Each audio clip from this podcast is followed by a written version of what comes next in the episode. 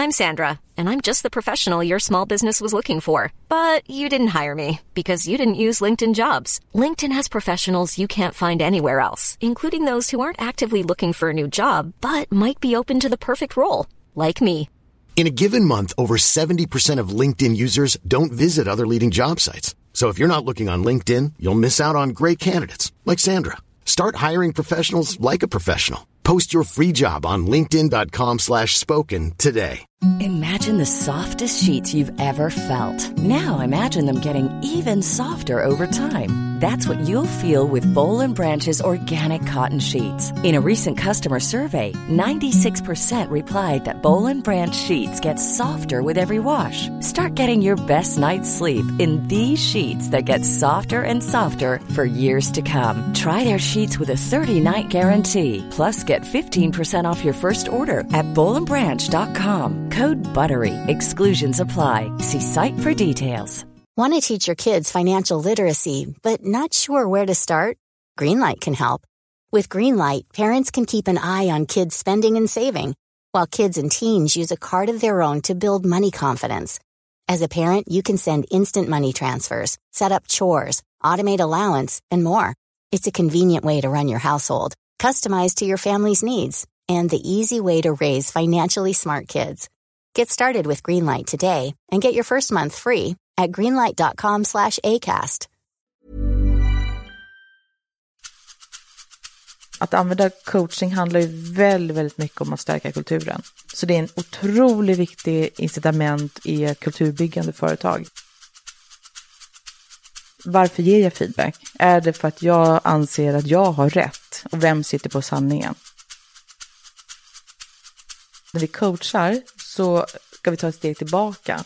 Och vi kan som ledare vara så otroligt pigga på att känna oss lite som hjältar och hjältinnor och tala om att jag kan och få lite bekräftelse. Och, och det är inte den bekräftelse vi ska söka, utan vi ska använda vår kompetens faktiskt för den andra personen.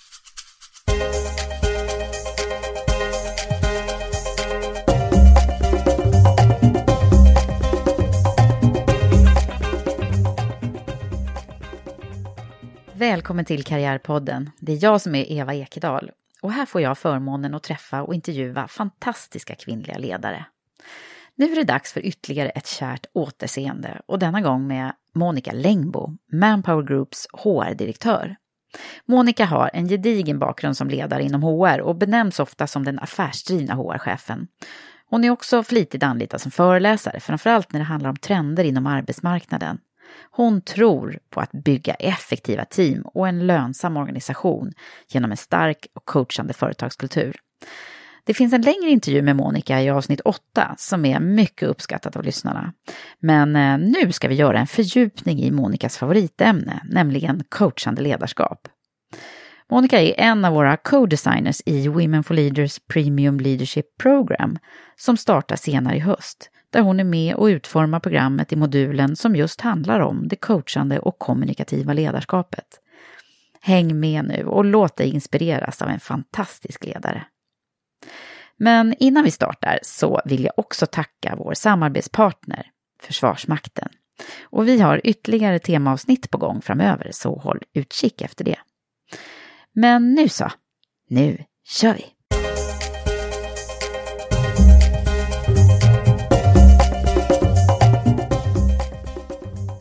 Välkommen Monica Längbo till Karriärpodden. Tack så mycket. Igen! Ja! Efter nästan tre år. Har det gått så lång tid? Som Oj. du var här senast. Tre år. Ja, det känns ofattbart länge. Ja. Känns inte så länge sedan. Det har säkert hänt en massa saker och det ska vi prata lite om. Men jag tänkte till att börja med så ska jag läsa upp för dig vad, vad, vad det står om dig. Ja, gärna. Som vi också sa förra gången bland annat när du var med i podden. Så här står det om dig. Monica är HR-direktör på Manpower Group och har många års erfarenhet av ledarutveckling, chefsrekrytering och strategiskt HR-arbete. Hon har också under många år varit ansvarig ledare för kommunikation och information och PR. Monica har drivit flera stora förändringsprocesser genom åren och brinner för hållbarhetsfrågor, företagskultur och värderingar. Monica är en erfaren både mentor och coach som har stöttat hundratals exekutiva ledare och är en flitigt anlitad föreläsare inom ledarskap, förändringsarbete, trender inom arbetsmarknaden och deltagare i olika panelforum. Se där! Oh my god, säger jag. Va? Ja. Fick vi med allt tro? ja, men det fick vi. Det, det, det lät ju bra. Det lät väldigt bra, lät nästan Ja. för bra för att vara sant. Och speciellt eftersom vi har ett litet eh, tema eh, på det här avsnittet som Ja. handlar om coachande ledarskap och kommunikation. Just det. Känns ju som det är, liksom, det är dina grejer. Ja, men det är mina hjärtefrågor. Det är Ja. egentligen, ska jag säga, ledarskap och det coachande ledarskapet kopplat till kommunikation, det är ju verkligen min bas. Ja. Verkligen. Ja, men det är ju det, tänker jag som har fått intervjua dig också ordentligt när vi fick reda på mycket om din bakgrund. Mm. Jag menar, du är ju lärare från början. Det är Ja. väl verkligen en eh, sån... eh, Det är där man pratar om kommunikation och, och att coacha individer framåt i livet. Ja, och det var faktiskt där som det föddes att liksom börja tänka i, i, som, i coachande termer. För det var ju på 80-talet, eh, slutet på 80-talet. Och eh, då var det mer i sportsammanhang, alltså, i, alltså kopplat till mental träning och så vidare. Man pratade om, om att vara coach. Sen har ju det utvecklats. Nu är det ju ett, ett ord som man använder, skulle jag vilja säga, vitt och brett faktiskt. Ja. I olika sammanhang. Eh, Ett litet slitet ord, delvis. Ja, det kan jag nog faktiskt hålla med om till viss Mm. del faktiskt. Man Ja. måste använda det rätt, eller rätt och rätt, men ändå liksom i, dess syfte. Så. Ja. Mm. Men jag tänker vi ska komma till det där. Men först skulle jag vilja höra lite mer om dig. Och vad, som, vad är liksom, vad har hänt under de här åren i ditt liv? Mm. Ja, men alltså, tre år, det har ju hänt så mycket. Eh, och, och alltså, om man tänker på jobbmässigt så, så är jag kvar på Mambo Group och har hårddirektörsrollen. Eh, och det företaget jag jobbat på då, då så är, vi är ju ett tillväxtföretag och det, det, det passar ju mig väldigt, väldigt bra, för jag är en sån person som människa också, privat, att det händer saker hela tiden. Jag vill ständigt lära och det är tempo och jag kastar mig mellan olika saker och sådär. Och, och eh, viktigt för mig att också växa som människa. Så att det har liksom hänt mycket under de här tre åren. Så att det, inte, det finns ingen statisk liksom, i det här. Så ja, men det har hänt mycket. Det har hänt många saker. Och rent eh, professionellt då? Vad, liksom, eh, för att även om man nu är koncernledning och toppledare på många sätt så förmodar jag att man, det händer lite nya saker rent utmaningsmässigt i, i, i en sån roll. Ja. Vad, Ja. vad, vad är det som har lagts till i din portfölj utifrån allt det här som vi pratade om nu då? Mm. Nej, men alltså dels så jobbar jag ju mer internationellt. Vi är ett globalt företag. Jag har liksom en rapporteringsväg till en, en, en person som sitter i UK, så att jag då jobbar mycket europeiskt. Och, och det uppskattar jag och varit med i väldigt många stora globala eh, projekt i, som har då eh, jobbat med alla de våra eh, 80 länder. Så. Och det uppskattar jag verkligen. Det Mm. Är det, varit, är det roligt? Ja, jätte. det är Vad- jätteroligt. Vad är det som tillför eh, saker i, i, i den här rollen för dig? Alltså jag tror att det är det kulturella perspektivet. Alltså det är ju så otroligt roligt att träffa människor från andra länder. Och länder som jag aldrig har rest till eller inte vet så mycket om. Och eh, den här insikten av att liksom jäklar vad vi är lika. Fast att du sitter i ja, Kina eller vad det kan vara. Eh, och, och just de här, det nätverkandet är ju verkligen i fokus. Så det har gett mig otroligt mycket. Att få jobba med de här människorna som, som berikar mig så mycket. Både som människa och i min, Ja. i mitt yrke. Så det har varit, eh, ja, det Vad har varit jättebra. roligt. Och det pågår ju fortfarande. Så att, Ja. Men det är ju Det är ju någonting som har blivit ännu mer i alla fall i, i din roll. absolut. Eh, Men sen vet jag också att du, du är ju väldigt aktiv i de här eh, att eh, spana efter vad som händer utifrån HRs perspektiv med framtida arbetsmarknaden och Ja. du var med i HR-dagarnas forum, panelforum där. Ja, Eh, där man verkligen försöker sätta, sätta eh, spiken i kistan på vad det är som gäller framöver. ja. ja men det hänger nog ihop väldigt mycket med det här att jag väldigt mycket blickar framåt och, och i den här gigekonomin som vi lever i nu som är liksom kantad av digitalisering och automationen och liksom den, den här förändliga världen som vi har levt i ganska länge, så förändras ju verkligen arbetsmarknaden också. Och ledarskapet förändras också till viss del. Eh, och det brinner jag för, just den framtida arbetsmarknaden och hur det påverkar oss. Och sen brinner jag ju oerhört mycket eh, för integrationsfrågor. Mm. Så att eh, jag är ju extremt frustrerad över de 400 000 personerna som står utanför arbetsmarknaden och det jobbar jag hårt med i olika nätverk och påverkar och visar öppet min frustration mm. och försöker få till en förändring. Och där spelar ju eh, ni då som står på liksom näringslivssidan en, en, en, jag tänker på eh, våra myndigheter som jobbar med den här frågan. Ni står ju liksom på på två olika sidor där kan man säga, fast ni jobbar för samma sak. Ja, alltså både och. Eh, så. Jag, jag, skulle säga så här, det går alldeles för, för sakta. Mm. Så det är det som är min frustration. Och ibland kan det vara då lite för byråkratiskt. Vi behöver liksom hitta lite nya, agila, eh, innovativa lösningar. Mm. Eh, för när vi går bara kan titta att vi inte har fått ut de här personerna. Man får inte glömma att det, dels så hämmar det ju faktiskt vår tillväxt för våra företag och faktiskt för hela Sverige. Men det är ju också så att det faktiskt finns en människa bakom varje siffra i de här ofattbara talen 400 000. Mm.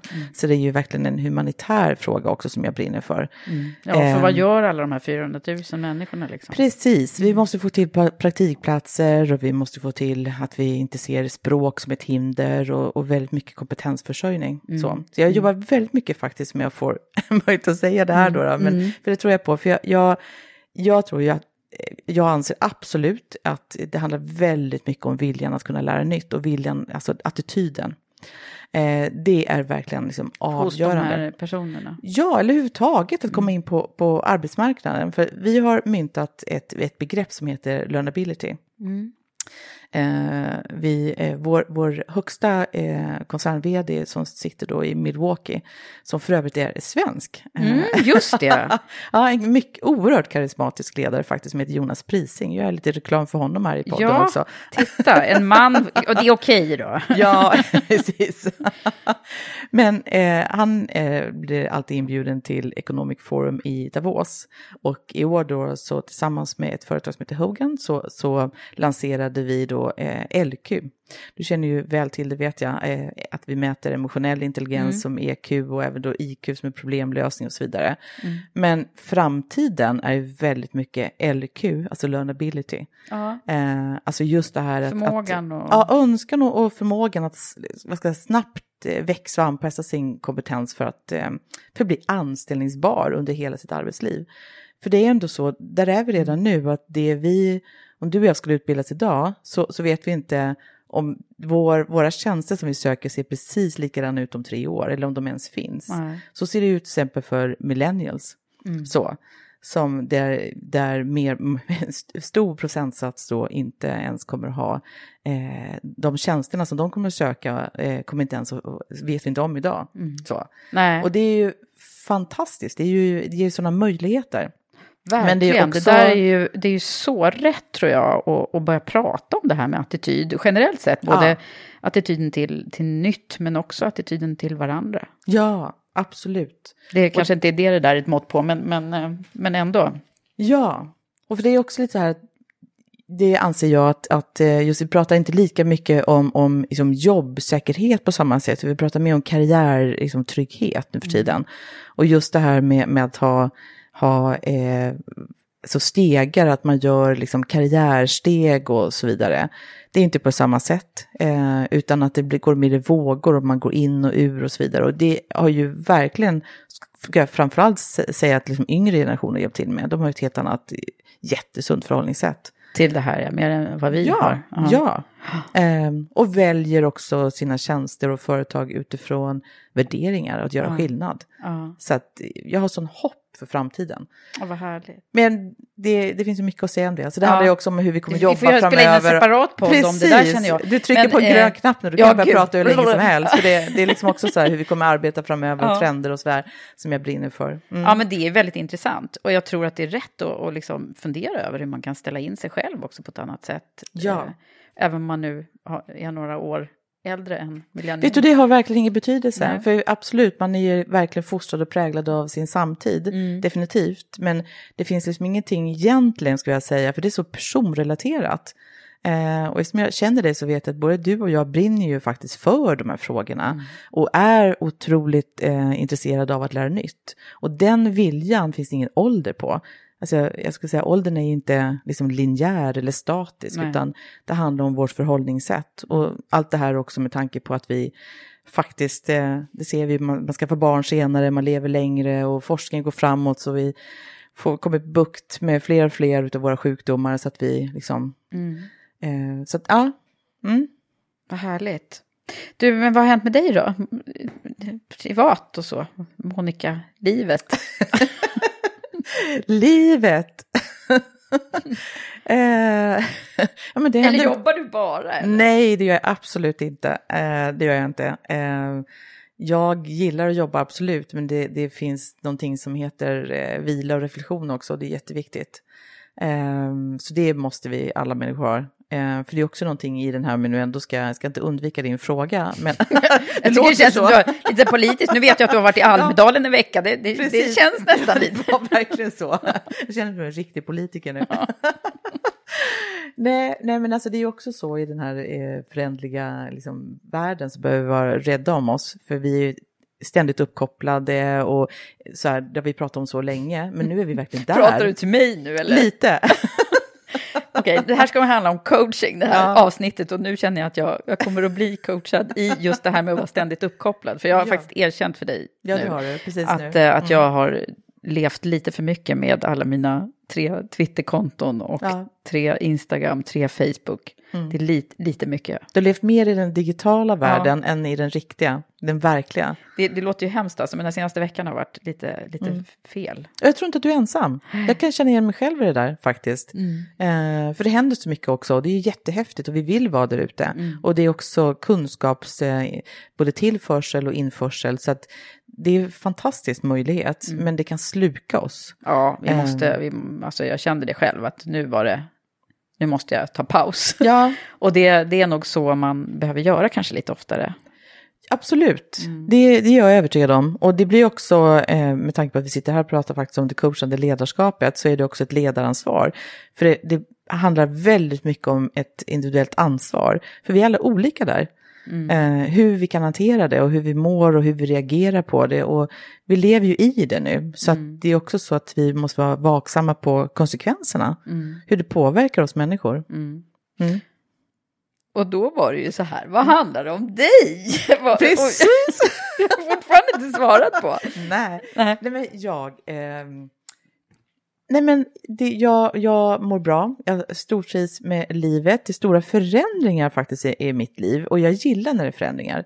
Så det är lite så här att vända blad som jag är inne på faktiskt och ser att liksom framtiden är eh, liksom någonting annat än vad jag är van vid. Och, och det är både lite så där eh, förhoppningsfullt men också lite så här, haha, hur blir det nu? Och vad jag menar med det då, det kan ju låta som att alla tror att det är jättestort, men det är egentligen bara då att, att eh, jag nu då sen förra podden inte har, eh, eller vi då, jag och min man inte har några barn som bor hemma. Och det är ju en förändring. Eh, jag tycker det är härligt, eh, för det blir ett annat sätt att förhålla sig på något sätt i sitt föräldraskap. Och man upplever på något sätt lite den här känslan av frihet igen och få göra lite som man vill. Och det är en så härlig känsla skulle jag säga. Det blir Jättehäftig. liksom tonåringen på nytt. Ja men vet du vad, jag ska faktiskt säga det. Det var, det var inte så tokigt sagt faktiskt Eva. Nej, lite så från tonåring. Gud vad vill jag göra nu? Jag har kunnat gjort det tidigare också, men, men du fattar. Eh, så att vi ska sälja huset och, och, och flytta till lägenhet. Ehm, och det känns bara så rätt. Så, eh, så rätt kommer det bli, verkligen. Och eh, få mycket mer tid för att jag har precis börjat träna. Jag har inte tränat lika mycket. Så det är också sån här, jag reser rätt mycket så jag har för sig alltid försökt att ta med mig och, och, och träna på hotell och sådär.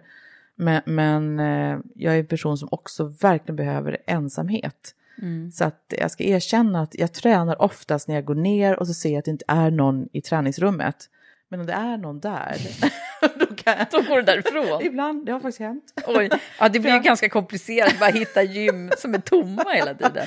Och det, jag skämtar lite för det är faktiskt också så att bara säga att hej vad trevligt, eh, jag behöver liksom vara för mig själv, det är inte konstigare än så. Men jag Nej. behöver verkligen det här, jag är verkligen av och på. Och jag, jag är faktiskt rätt duktig på att hitta de där Ja. bitarna.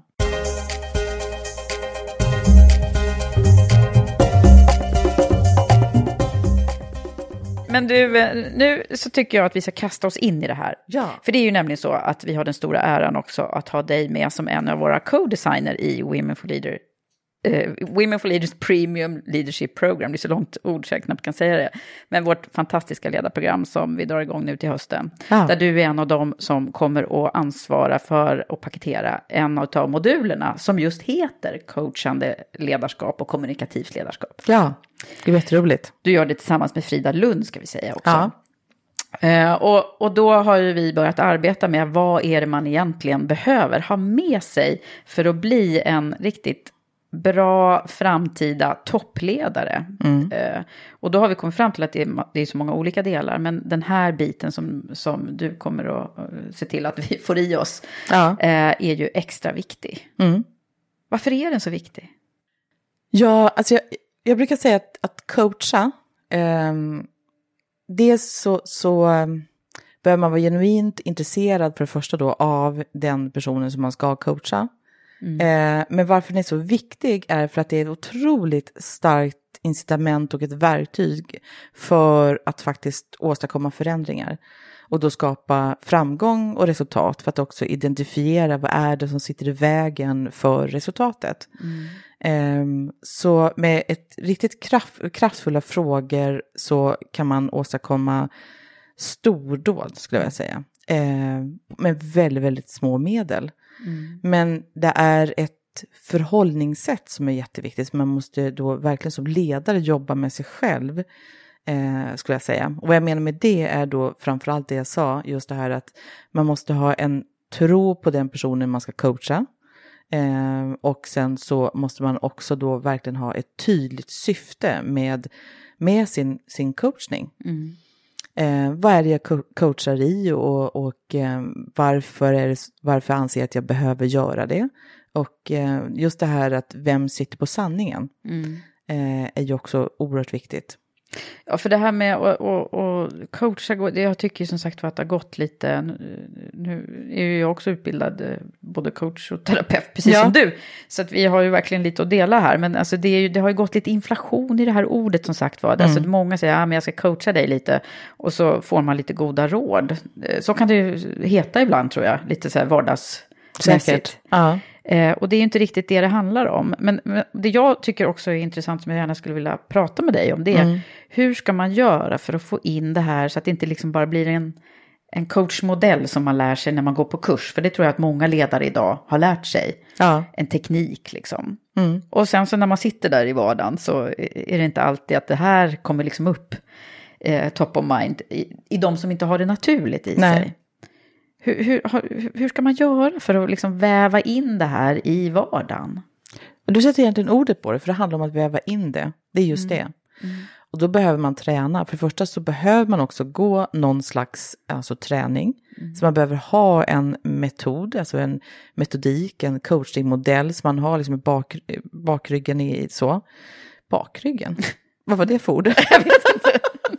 Bakom rygg- ryggmärgen brukar man säga. Ryggmärgen brukar man säga. Jag kände det där var konstigt. Tack. Eh, så att det är oerhört viktigt. Eh, så att man inte har något hittepå. Eh, det finns ju naturligtvis jättemånga som är fantastiska och inte har gått någon, så bara har det i sig. Men jag, jag anser att det är stor vikt ändå att ha en modell bakom sig. Eh, alltså det, jag anser att coaching handlar väldigt mycket om, man pratar om ett ord som heter empowerment. Och det är ju kraftsättande av en annan människas potential.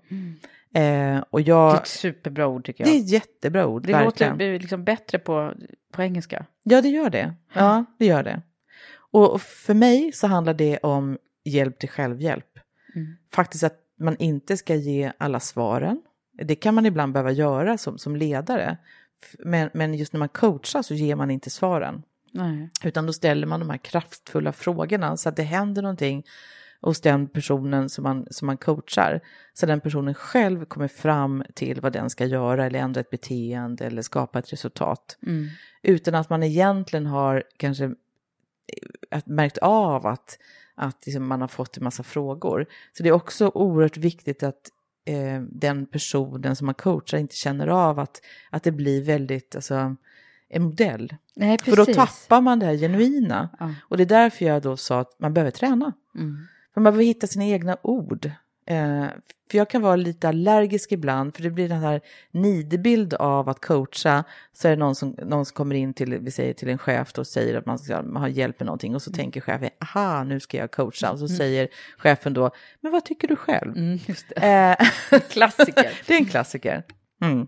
Så att eh, det är otroligt viktigt. Och mm. det, det viktigaste eh, i coaching-sammanhang är ju det aktiva lyssnandet. Mm. Eh, och då handlar det inte bara om att lyssna för sakens skull, utan faktiskt lyssna för att förstå. Mm. Och inte lyssna för att svara. Nej, och inte lyssna eh, för att döma. Och inte lyssna för att döma. Eh, och framförallt också då kunna vara i tystnad också. Mm. För det vet vi ju när vi själva fått en sån här fantastisk eh, fråga som det händer ibland. Man tänker att men det där var en riktigt bra fråga, den har jag aldrig fått i mitt liv. Mm. Och vad det händer mycket saker i vår hjärna då. Mm. Och då behöver vi verkligen tid att reflektera och tänka. Och då kan det verkligen störa eh, när en person går in och ställer någon ny fråga, någonting. man tappar liksom spåret. Mm. Så det, det är mycket sådana liksom, eh, tonaliteter i en coachning man måste känna av och verkligen vara ett flow med den man coachar. Mm. Närvaro, verkligen ha liksom otrolig närvaro. Verkligen, och jag tänker på det här med det där med empowerment, alltså att, att, man, att man måste tro på att den här människan, eller att alla människor egentligen i sitt team ska kunna prestera så mycket mera ja. utan, att, utan att pressa dem, så att ja. säga. Um, det där tycker jag är så värt att tänka på. Jag tänker på den här filmen, jag tror jag pratat om den förut i podden.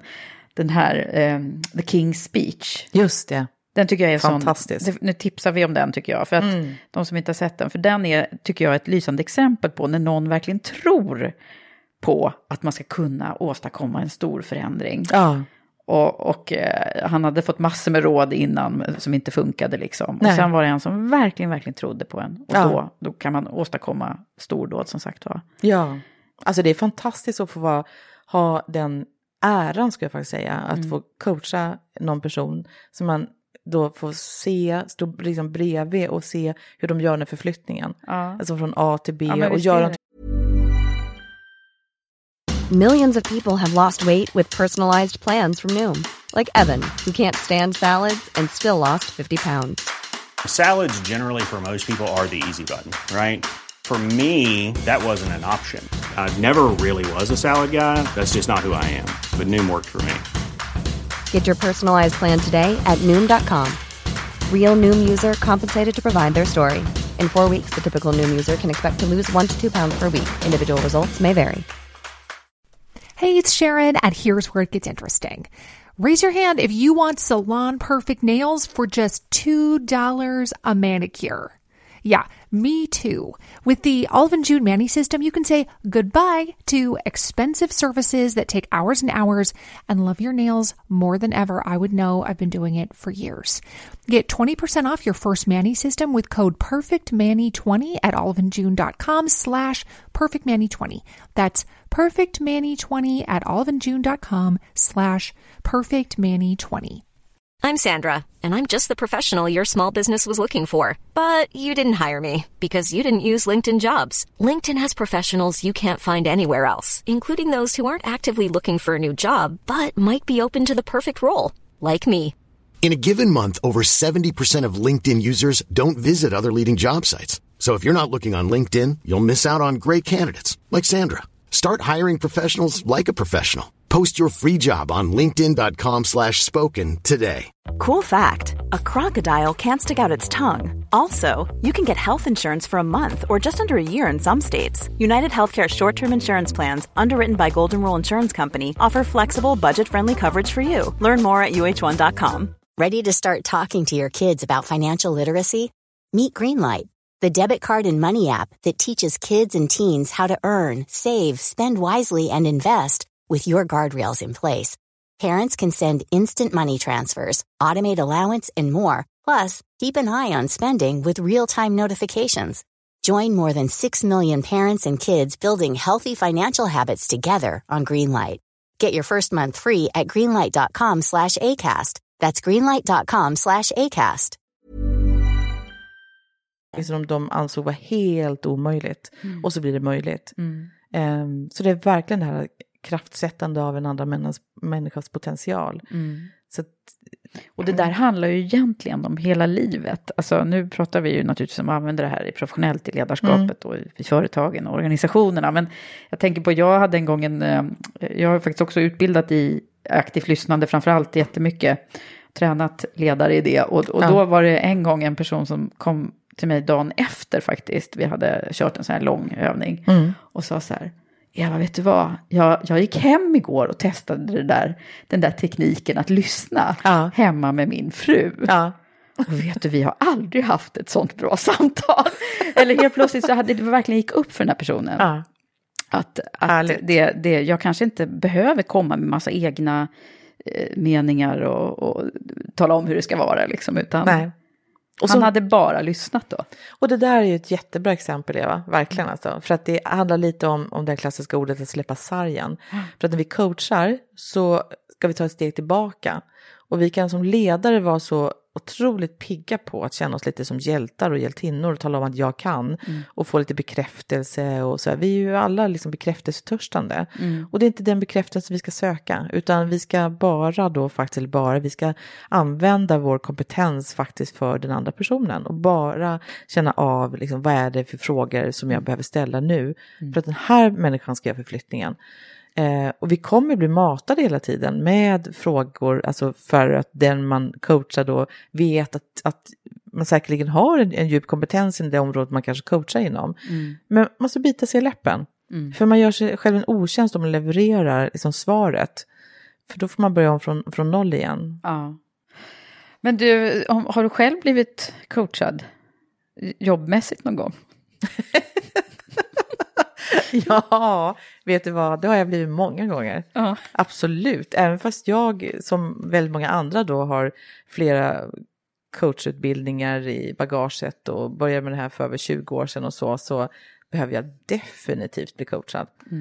Eh, jag har ju kommit dit att jag, att jag ber om att bli coachad också. Eh, det har hänt att du har coachat mig. Ja, jag tänker speciellt på ett tillfälle faktiskt. Vilket då? Det finns många. Ja, jag tänker faktiskt på, ska vi berätta den? Jo, men det kan vi väl göra. När, när eh, Ja, du faktiskt eh, eh, hade fått frågan om, om det här fantastiskt stora jobbet. Ja. Mm. Och helt plötsligt började tvivla och tänkte att nej men åh, vill jag, åh, hur ska jag göra? Och då, Ja, det var mer vilja. ja, det var, det Ja. var faktiskt mycket så ju. Ja. Och då råkade jag befinna mig på semester i Grekland.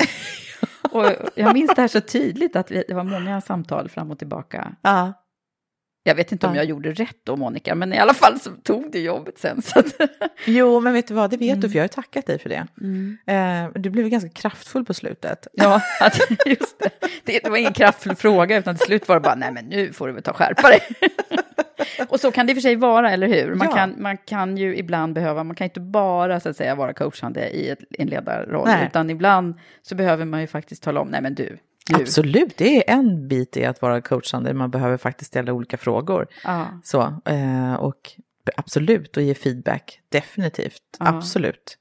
Så det är, och det är otroligt verkningsfullt. För det handlar ju, coachning är ju väldigt mycket också speglar den andras beteende. Eh, kroppsspråk och eh, tonfall och så vidare. Som man kanske, som är blint för en själv. Så eh, det, det gjorde ju du, för jag kommer att till slut så bara skrattar vi. När du bara, vad håller du på med?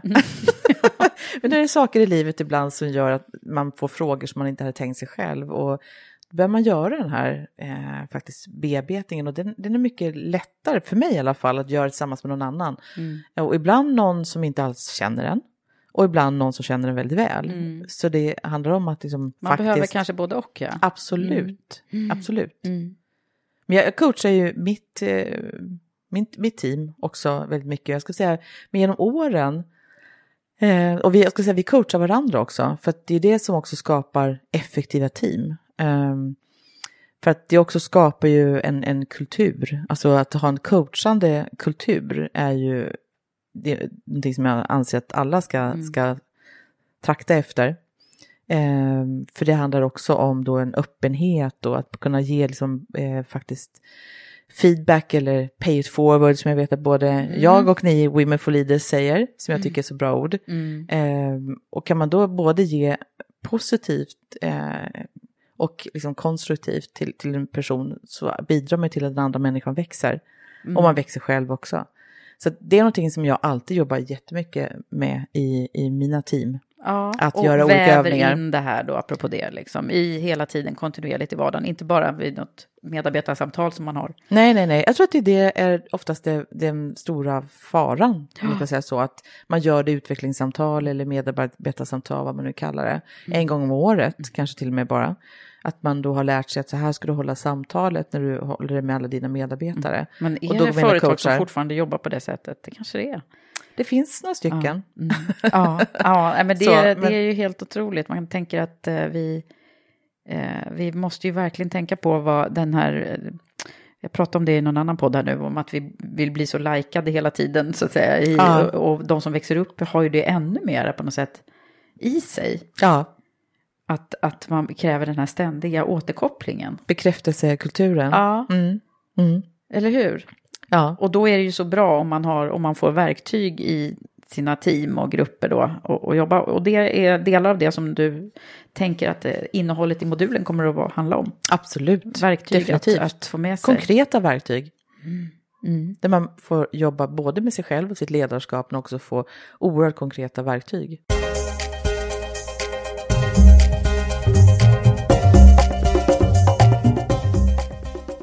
Och det här med kommunikation då, generellt sett. Eh, vi, eh, jag tänker på att kommunicera, eh, det är ju det vi gör både när vi lyssnar och pratar så att säga. Men det finns ju så mycket annat kring kommunikationsområdet som du ju också Ja. ansvarar för. Mm. Vad, vad är det som eh, är viktigt att tänka på där?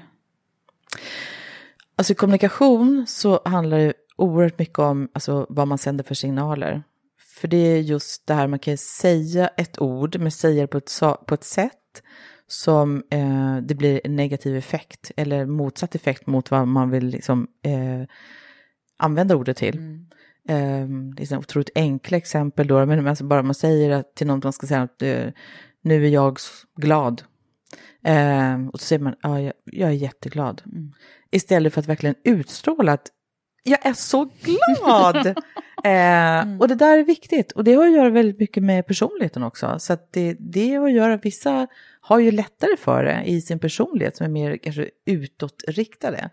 Och, och vissa kanske då, om jag får generalisera oerhört, kan vara liksom mer analyserande och har inte lika mycket liksom, kroppsspråk och, och tonläge och sådana saker.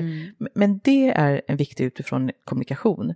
Och framförallt i den här eh, förändliga världen som vi le- lever i nu, som jag inledningsvis sa då, eh, med den agila tillvaron där vi lever i någon ständig förändring, så är det ju ännu viktigare. Men vi säger, jag brukar säga ibland att förändring stavas kommunikation. Eh, för- kommunikationen är ju om en otroligt viktig i ett förändringsarbete. Så att det, Man kan liksom inte kommunicera för mycket egentligen. Nej, nej, det kan man inte göra. Så det är Jag jätteviktigt. tänker på i många medarbetarundersökningar och så här så brukar det alltid vara eh, kommunikation och information som de flesta företag brukar kunna få på förbättringspotentialsidan. Ja, precis. Så det känns ju som att hu- hur man än jobbar med det där så, så kan man göra det lite till Ja, som ledare Ja. och eh, som organisation.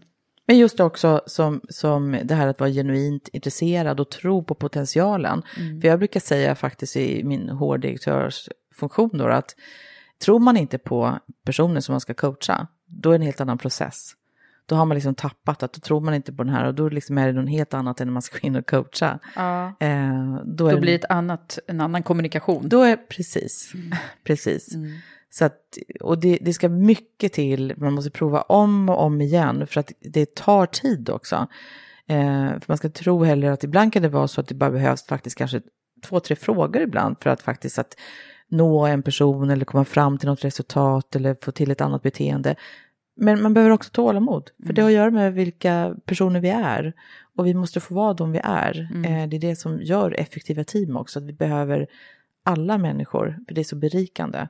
Eh, och då behöver vissa längre tid på sig. Det finns verkligen inget rätt eller fel i det. Mm. Men i det här kopplat till rätt eller fel så ska jag också säga att just det här också syftet. Eh, tjatar alltid om syftet med coachning. För det finns verkligen, eh, som jag har stött på, eh, flera personer som har gått en coachutbildning och sen far man runt i organisationen och ger coachning till höger och Mm, vänster och ber att eh, du, kan jag få ge dig lite feedback? Ja. När man inte ens har bett om det och då blir det mer att den personen kanske identifierat någonting. Men det behöver inte vara sant eller riktigt. Nej. Ehm, så därför måste man verkligen också göra medvetna val. Ehm, Det här tror jag är jätteviktigt det du säger. Ja. För Det är lätt att det blir, att det blir fel då. Jag har Absolut. faktiskt fått det själv någon gång när någon som sa så här, du vill ha lite feedback? Mm. Jag var kanske inte ens mottaglig och, och just då och det var ett dåligt läge liksom. Precis. Eh, sen det var det för sig den gången inte så positiv feedback. Så det, det är alltid lite jobbigt att ta emot sånt såklart. Ja, det är det såklart. Men, eh, Mm. nej, men om man bara får det serverat på det sättet så det blir inte alltid det blir rätt då heller. Nej. Och också att man måste få öppna upp för, för utrymme att kunna säga nej. För det kunde inte jag då i det läget. Nej. Eller det kändes inte som att säga nej. Men det, idag kanske jag hade gjort det, men då gjorde jag inte det. Nej, jag tror att det är oftast det, för att man kan ställa sig lite ställd mot väggen och så kanske är så eh, att oftast när man får den frågan så är det någonting som kanske den personen har stört sig på eller anser är fel eller så. Och då blir det lätt att man kanske också går i försvar för att man inte håller med. Och man måste skapa det här klimatet, det här coachingsklimatet, så att det finns ett eh, tillåtande och en, en tillit också eh, i, i, i mötet, även om det kan vara väldigt kort. För det är Ja, för så... om man ger sån, sån konstruktiv feedback som det var jag fick där, så var Ja. det ju i och för sig så, tror jag, vid det här tillfället, att det var syftet att det skulle hjälpa mig. Ja, Men det är ju alltid det man måste ha i fokus, att det ska hjälpa den här individen Mm. ja. till någonting bättre. Hjälpte det dig då? Nej, det tror jag inte just då, för jag var så liksom inte, jag tog inte in det.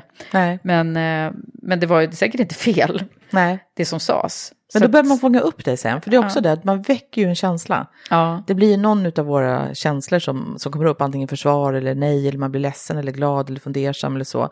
Och då måste man få ges utrymme i det och fråga det. Att du, vad, liksom, vad händer med dig nu och hur kan vi gå vidare? Vill du fundera så kan vi ta ett snack senare. Så. För, för det, det är just det man måste finnas längs vägen sen, att ha en dialog som att det bara faktiskt liksom fräcker ur sig den här feedbacken och sen hej då, så var kvar där och lev med din feedback och, och lös det så som du vill. Utan man har ett ansvar faktiskt att man har satt igång någonting så man är med längs vägen.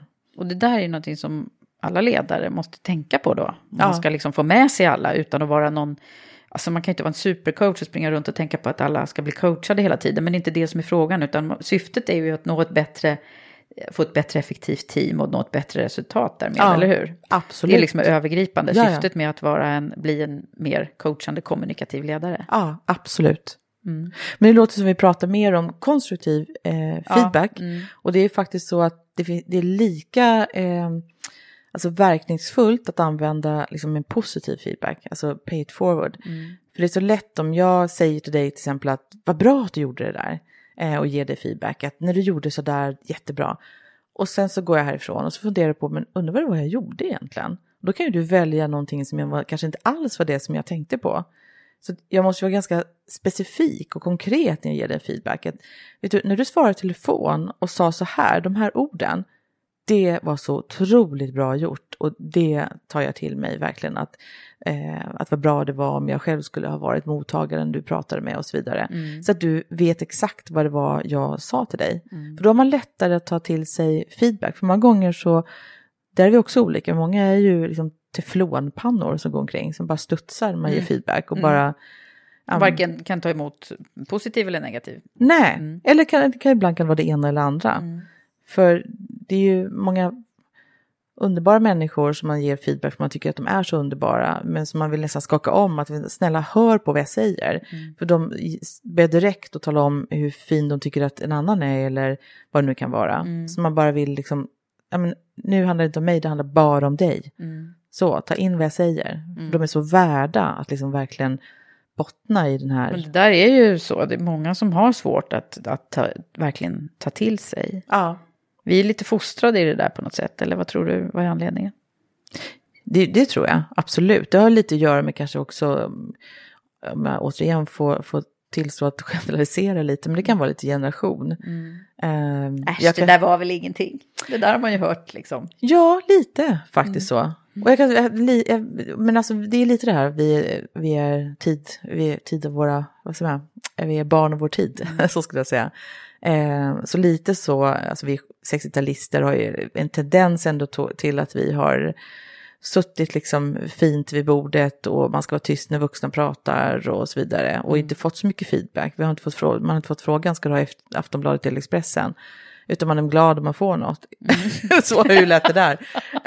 ja. men, men jag tror att de flesta som lyssnar förstår vad jag menar. Mm. Så det finns ändå någonting som man behöver jobba på där. Mm. För jag anser att det är respekt för den som ger feedback, att man ska verkligen ta till sig den. För det är fantastiskt det man får. Mm. Det är man säger ju faktiskt lite sådär, alltså som är lite också ett uttjatat ord, att feedback är en gåva, men det är ju faktiskt. Mm. Det är ju så. Det är det. Ja.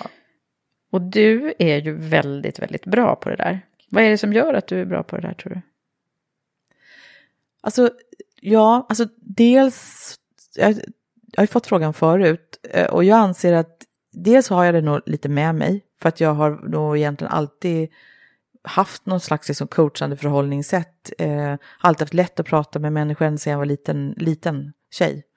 Eh, och alltid varit genuint intresserad av människors beteende och mitt eget beteende och ställt mycket frågor och, frågor och lekt då med, med frågor och, och, lärt mig eh, hur jag kan ställa det och så. Och sen tror jag faktiskt att det handlar mycket om respekt. Jag har en stor respekt för olikheter. Mm. Eh, och eh, har övat mig på att vara närvarande. Ehm, och också ställa förhållandevis neutrala frågor just det här att försöka neutralisera mig själv, för jag har ju alltid ett svar eller en bild. Det beror för sig bero på liksom vad jag coachar i. Men eh, för jag vill inte projicera min uppfattning. Mm. Eh, för då kan jag liksom ta bort kraften för den andra personen. Eh, men jag får träna. Jag har fått träna. Men jag mm. brinner ju för det här också. Jag brinner för det, men det är ett ständigt lärande. Och, och hela tiden jobba på att bli bättre. Och det här är grejer, delar av det som vi kommer att få ta del av i modulen.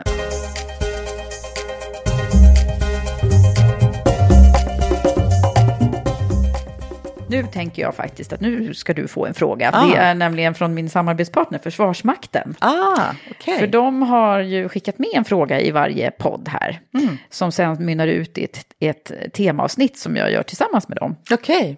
kul. Och eh, det, den frågan handlar, den låter så här, jag läser den för mm. dig nu. Tycker du att det är skillnad på att leda kvinnor och män? Mm. Bra fråga, Försvarsmakten. Mm. Eller hur? ja. Och relevant kanske. Ja, oerhört relevant. Eh, nej, tycker jag. Det anser jag inte. Eh, jag har ju eh, medarbetare förstås, både män och kvinnor. Eh, ingen skillnad. Jag är den ledaren jag är för alla dem. Det är skillnad däremot utifrån vilka individer de är, ska jag säga. Eh, och vilket behov de har, så definitivt. Mm. Men eh, nej, det anser jag faktiskt inte. Mm. Och jag skulle säga att eh, det är väl också den tron utifrån att jag eh, också eh, är med i Women for Leaders och så vidare. För det är ingen skillnad och därför är jag oerhört frustrerad över att det fortfarande ändå är så pass få kvinnor i ledande befattning och i, i företagsledningar och i styrelsesammanhang. Mm. Men ni på Manpower har ju en, eh, en väldigt hög andel kvinnliga ledare. Hur är det nu? Det är... Vet du vad, vi har en, en väldigt hög som vi är väldigt stolta över. Vi har 59 procent kvinnor i ledande befattning. Det är ju eh, Ja, det är grymt verkligen. Ja, verkligen. nästan slå över åt andra hållet. ja, nästan. Ja, ja. ja. ja. Mm. Hur kommer det sig, tror du? Alltså dels är vi ju en bransch, det, det ska vi inte sticka under stolen med, som eh, stimuleras med eller motiveras av, av kvinnor, mm. faktiskt tror jag. Alltså, många från POWER-programmet, jag är runt och föreläser mycket på universitet och så vidare, det ser ju likadant ut, även fast det börjar komma fler killar. Mm. Jag är jätteglad att se det. Mm. Men, men det finns en överrepresentation av tjejer, absolut. Um, så dels det. Men jag ska också, nu när vi ändå pratar om det coachande ledarskapet så har jag ändå någon helt hemmasnickrad eh, reflektion som jag inte har någon empirisk eh, bäring för. För annars gillar jag Behöver faktiskt... inte ha det Nej, men du, du känner ju mig då, det är därför du säger så. För jag gillar faktiskt, jag gillar forskning och så vidare. Så jag gillar siffror som man kan ha stöd i och käll, källhänvisningar. Men eh, i vår organisation så är de här, alltså brudarna, de är kvinnorna, de är fantastiska på coachande ledarskapet. De bara har det i sig. Ehm, så det kan jag säga. Och då ska jag säga att det måste säga att det finns naturligtvis jättemånga av våra killar och män också. Men det finns ändå en fallenhet som jag ser. Eh, och därför är min egna studie Ja, för, så. det, Om det har att göra med på något sätt, eh, nu är jag också ute på djupt vatten, Mm. verkligen, men alltså eh, kopplat till liksom moderskap och, och, och Mm. liksom just eh, simultankapacitet, om det finns någonting där. Ehm, Ja, det är väldigt intressant. Den studien får vi lov att göra. ja, ja. Om den inte finns någonstans. Men, men eh, jag tror också att det ligger mycket i det. Jag brukar ju reflektera över alla, alla fantastiska samtal jag har i Karriärpodden. ja. Som ju handlar väldigt mycket om att leda människor och hur man ska liksom få organisationerna att lyfta med hjälp av att jobba på ett bra sätt med människor. Ja. Och jag vet inte om jag skulle få samma eh, svar om jag hade suttit här med lika många män i intervjusamtal. Nej. Men det, det, det är, en, Jag det är vågar min, det ska- min icke-empiriska forskning. Ja, jag ska låta det vara osagt, Ja. jag vet inte. Men, men eh, ja. ja. Jag vill också säga, för det, det, jag vet att jag sa det inledningsvis också, men att använda coaching handlar ju väldigt, väldigt mycket om att stärka kulturen. Mm. Så det är en otroligt viktig eh, incitament i ett kulturbyggande företag. Ja, det är ju... Eh, det är en Ja. förutsättning ska jag säga. Och vi är, vi är ju en stark, eh, väldigt stark värderingsstyrt företag. Ja. Så att för oss är det så självklart att vi i alla år haft liksom en, en eh, alltså ledarträningar där liksom grunden är hur vi, att vi lär ut hur man coachar, det coachande ledarskapet. Så det är liksom Det finns nummer med ett. i allting. Ja, ja, ja, absolut. Det absolut. kan ju jag intyga då lite eftersom jag jobbade där Precis. för väldigt många år sedan. Är det 20 år sedan nu? Det är 20 år sedan. Nej, men kan det vara så länge sedan? Jo, Oj. då jobbade jag på Manpower. Och då var det eh, värderingsord som jag fortfarande kan rabbla om ni väcker mig mitt i natten. Ja. Det har, det har bytts ut, men då var det personlig pålitlig kompetent. Ja, nu, är det, nu har vi blivit väldigt globala då. Så People, knowledge, innovation.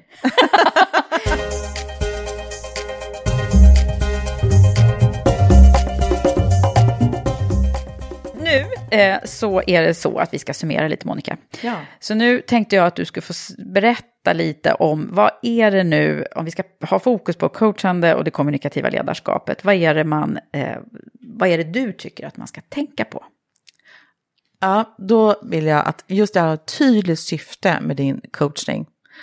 Och det absolut viktigaste eh, i ett coachande ledarskap är att lyssna eh, och fråga.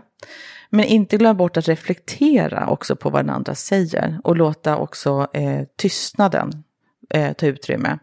Men också då ge feedback, eh, både positiv och eh, konstruktiv. Men också hela tiden där fundera över varför ger jag feedback? Är det för att jag anser att jag har rätt? Och vem sitter på sanningen? För det ska alltid vara ett syfte för den man coachar.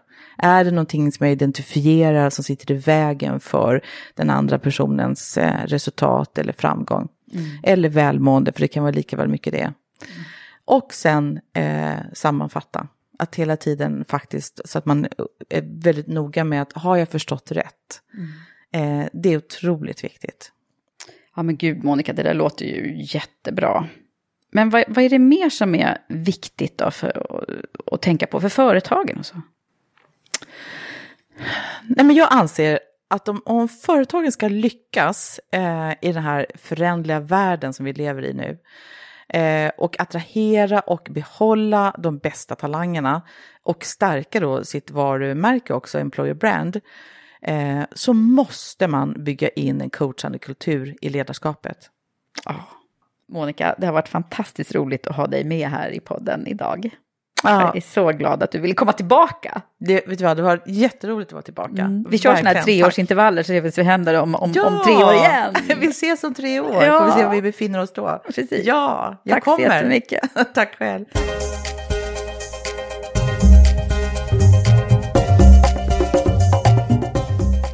Ja, oh, alltså vad säger du? Visst är hon härlig, Monica? Jag är så glad över vårt samtal.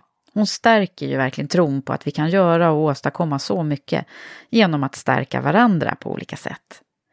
Hoppas att du också blev inspirerad av Monica och kanske blev du nyfiken på att veta mer om vårt exekutiva ledarprogram Women for Leaders Premium Leadership Program. Läs mer på vår hemsida och ta en direktkontakt med mig om du vill veta mer. Ha det nu så bra så hörs vi snart igen. Hej så länge!